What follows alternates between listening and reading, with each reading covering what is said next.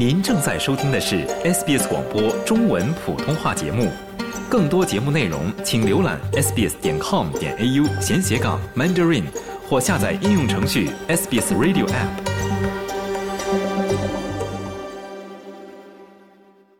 听众朋友们，您现在正在收听的是 SBS 普通话电台的闲话澳洲节目，我是雨夜。那在上三期的节目之中呢，我们是和大家说了说有关于澳洲的面包啊。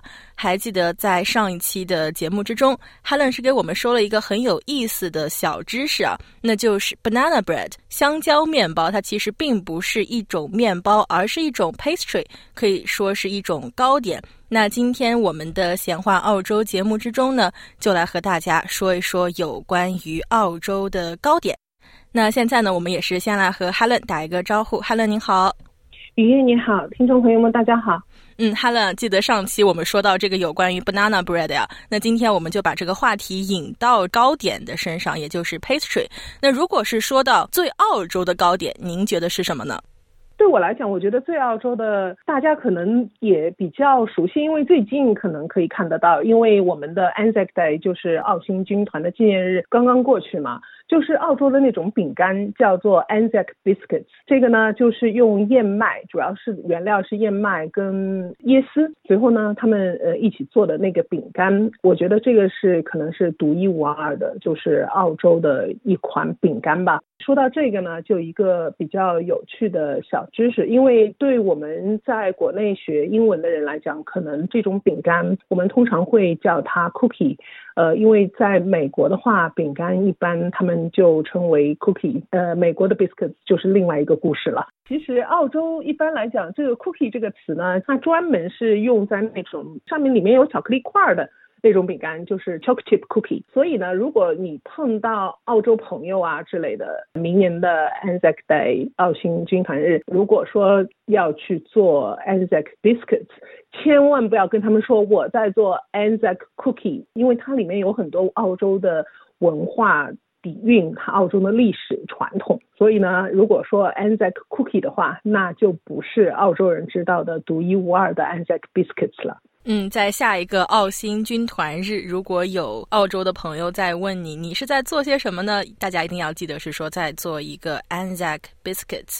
那除此之外呢，我还知道啊，在澳洲其实每年都会去举办叫做 Vanilla Slice 的相关的比赛啊，去评选哪一家可以做出最好吃的这个 Vanilla Slice。那 Helen 是不是也很喜欢这种糕点呢？对，Vanilla Slice 应该说是我澳洲所有的糕点里面的最爱吧。Vanilla Slice 呢，其实它也是一个澳洲的国民糕点了，所以呢，喜欢起绰号的澳洲人就给它起了个绰号，叫……唉，怎么说呢？我有点犹豫要不要告诉大家，不然的话，本来对它没有兴趣的，可能更加对它没有兴趣；本来有兴趣的，可能也会犹豫。它叫它 Snot Blocks，Snot 呢就是鼻涕。因为它里面的蛋黄酱的质感呢，就有点像，对吧？是不是让大家觉得有点倒胃口？所以呢，他就把它直译的话呢，就是鼻涕块。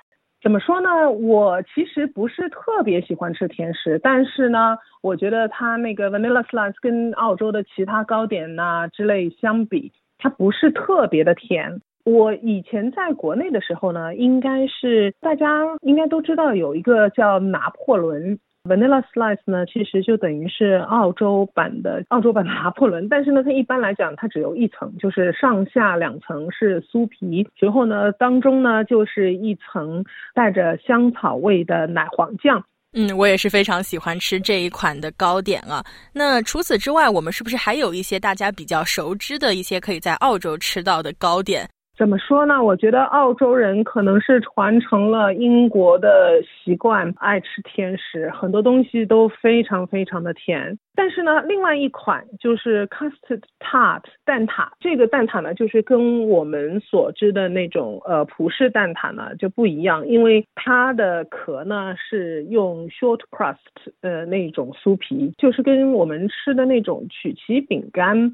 的那一种加了大量的黄油的那种酥皮，那种就粉粉的那种酥皮，它是用那个酥皮来做它的壳的。我们比较习惯的那些葡式蛋挞呢，它是用千层酥皮呃来做壳的。随后，澳洲蛋挞其实澳洲的 custard tart，我觉得应该是所有的糕点里面甜度最低的。那一个了吧？随后呢，上面呢，它还会撒一点肉豆蔻的粉，就是 nutmeg。买的话呢，有不同的尺寸，可以买独食的，也可以买一个大的。随后大家切了一起分。还有呢，说起那个 trusted tart，大家要注意一下，tart 这一个词呢，不能随意去用来形容一个人。如果说哪一个人，尤其是男性，指着一个女性说：“哦，she is a tart。”这个呢是其实是有贬义的，就是指比较轻浮的女孩子。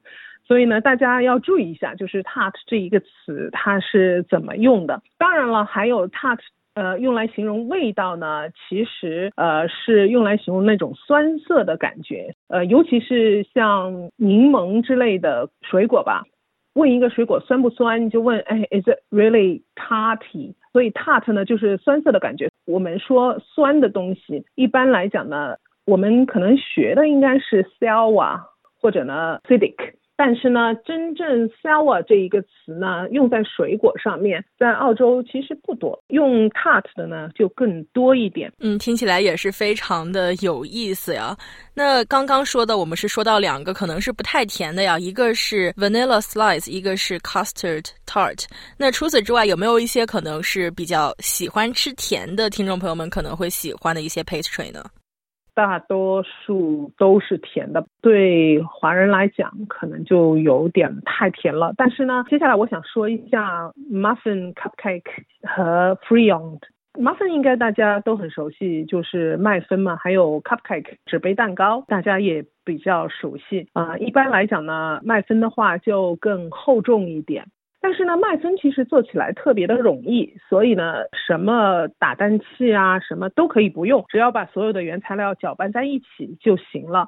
纸杯蛋糕呢，做起来的工序呢就比较复杂一点，因为它实际上还是属于一个比较轻盈的蛋糕。所以呢，大家如果对 muffin 有兴趣的话呢，可以在家自己制作。这样的话呢，甜度就可以自己掌握了。而且呢，在澳洲的话，其实大概有百分之二十三十的 muffin 是咸的，它呢主要是作为一个轻食呃来吃的。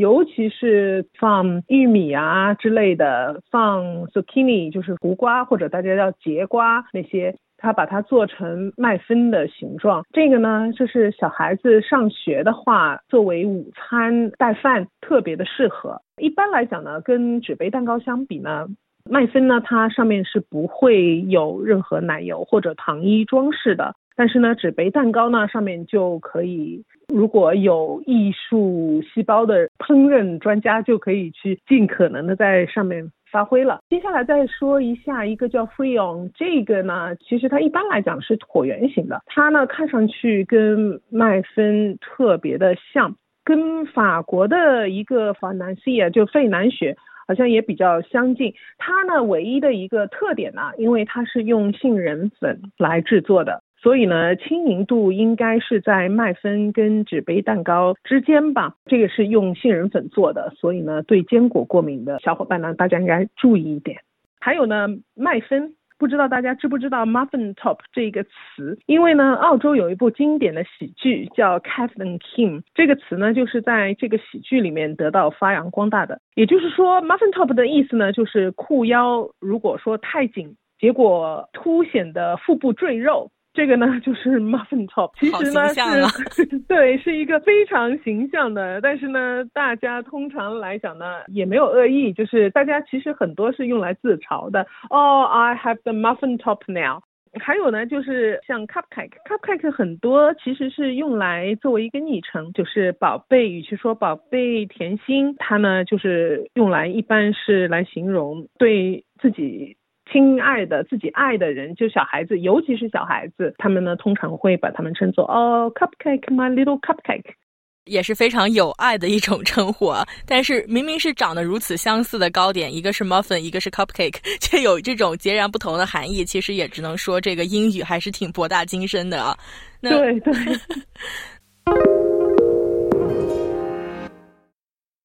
那现在呢，我们来继续说一说一些澳洲的经典的糕点啊。那刚才呢，Helen 也是说到，刚才提到的三种都是相对来说比较甜的一些糕点，但是还是有一些你可以去自己控制它的甜度，比如说是我们经常中文说的这个司康啊。嗯，司康呃也是我喜欢的那个糕点。怎么说呢？如果是墨尔本的小伙伴呢，可能去过的 Dandenongs。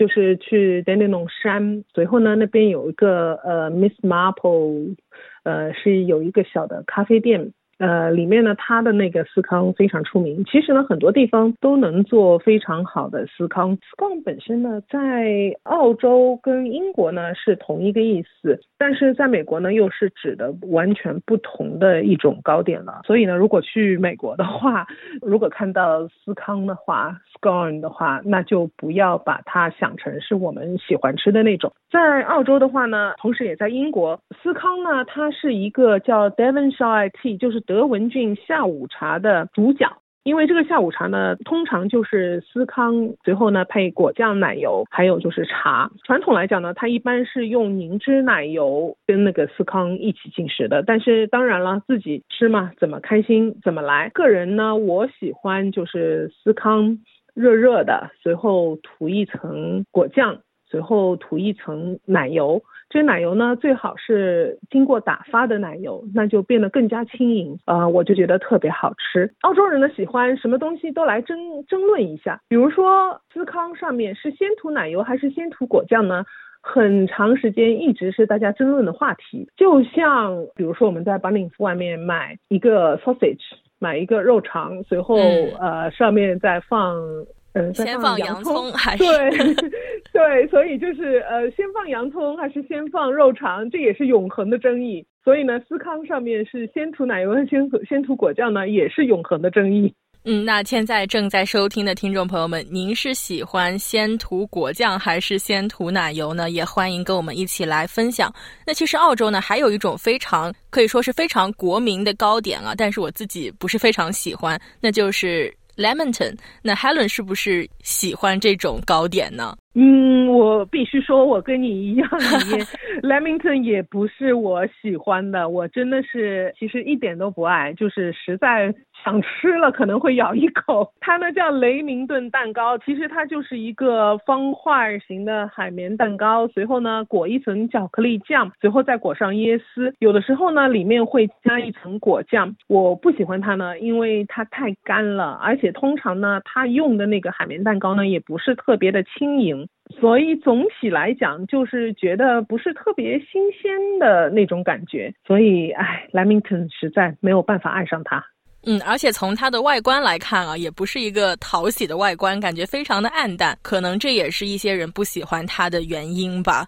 那刚才 Helen 也是和我们说到了这个 Vanilla Slice。那说到这个 Slice 这个词，Helen 还会想到一些其他的糕点吗？对，slice 呢，其实是一个呃，我觉得挺澳洲的一个说法，因为澳洲很多糕点都管它叫做 slice，它就是一个长方形的小块蛋糕，呃，但是澳洲。来了一段时间的朋友们，大家都知道，就是蛋糕的话，不是我们想象中的那种轻盈的蛋糕，它呢是有各种各样的。所以 slice 来讲呢，很多 slice 其实都很厚重。在澳洲呢，呃，我觉得可能最受欢迎的 slice，除了 vanilla slice 之外，其实 vanilla slice 还是比较轻盈的。它就是 caramel slice，大家可能看到过，呃，lemon slice，还有 jelly slice。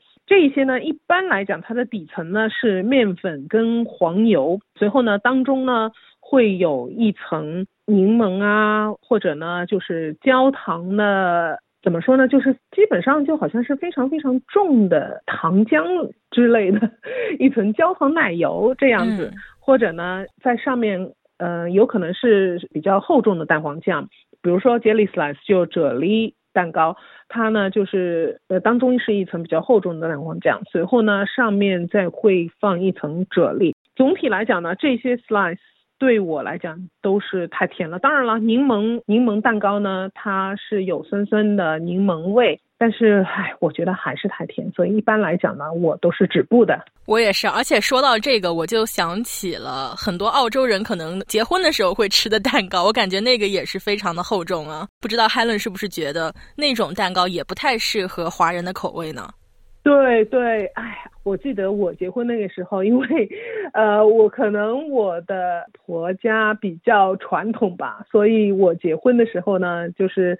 呃，我的结婚蛋糕呢，是我婆婆自己做的，它就是那种澳洲的水果蛋糕。嗯，我记得刚来澳洲的时候，我听到水果蛋糕，我特别的开心。我跟他们说，哎，我好喜欢水果蛋糕，因为跟很多华人一样，我们心中的水果蛋糕其实是那种非常轻盈的海绵或者戚风蛋糕，随后呢涂了一层鲜奶油，上面放满了鲜水果。新鲜的水果，比如说草莓呀、呃蓝莓呀，各种各样的水果。我觉得大家就是听到水果蛋糕这个词，可以想象的就是这种。但是澳洲呢是非常厚重的一个，搬起来可以砸痛你的脚的那种。蛋糕，随后呢，里面呢，它放的都是干果，就是主要是以葡萄干为主，还有一些可能是一些糖制的樱桃啊，可能会放一些黑加仑呐，可能会有一些坚果在里面。为什么我的婆婆做了那个水果蛋糕呢？因为它是作为一个对新人的祝福。因为呢，澳洲也有一个传统，他们那个水果蛋糕呢，通常是做完之后，在上面加了一层厚厚的糖衣。随后呢，在婚礼那天呢，其实这个蛋糕呢可以吃一部分，再剩下一部分呢可以包裹起来。为什么这个蛋糕呢含糖量高，而且所有的干果就是呃水果干跟干果呢都是通过用白兰地或者其他烈酒浸过的，所以呢，他们通常会在婚礼结束之后呢，把这个蛋糕包裹起来，随后放在一个阴暗、避光、比较呃阴凉的地方。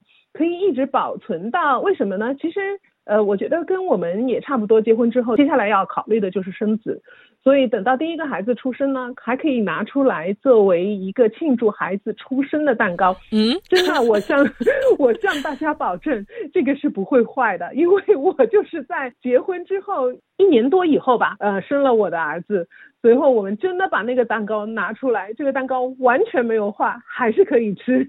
那我想问一下，这个蛋糕最久可以保存多久呢？这个我觉得大家可以试验一下。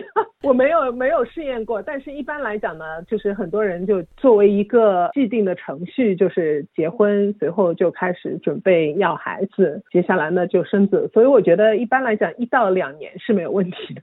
听起来也是非常有澳洲特色的这样一种蛋糕啊！那如果准备结婚的朋友，不妨来尝试一下这种非常传统的澳式的这种水果蛋糕啊。虽然说跟华人经常认知里的那种非常绵软的水果蛋糕有所不同，但是也是别有澳洲的风味啊。对对。那我们刚才在节目开头的时候也是提到了这个。Banana bread 呀，那 banana bread 其实它并不是一种面包啊。记得上期在节目中，Helen 也说它是这个面包界的一个大骗子。除此之外，有没有这种跟它类似的一些糕点呢？其实我觉得一般来讲，有卖香蕉面包，也其实也就是香蕉蛋糕的地方呢，必定会有卖 carrot cake，就是胡萝卜蛋糕。其实呢，两种呢。呃，它们的工艺差不多，只不过里面呃原材料不同而已。而且呢，香蕉蛋糕跟胡萝卜蛋糕呢，通常它会有加坚果，当然了，还是一个字甜，所以能吃，但是还是不能多吃。嗯，还是要根据自己的身体情况啊。这个糖好吃，但是并不可以去多吃啊。那我们今天呢，也是跟大家盘点了许多有关于澳洲的这些经典糕点啊，也是从中学到了一些澳式的英语，非常非常的感谢 Helen。那么在下期的节目之中呢，我们将继续和大家来做一做这个有关于澳洲经典糕点的盘点。好，谢谢，谢谢大家。喜欢、分享、评论。欢迎您在 Facebook 上关注 SBS 普通话页面。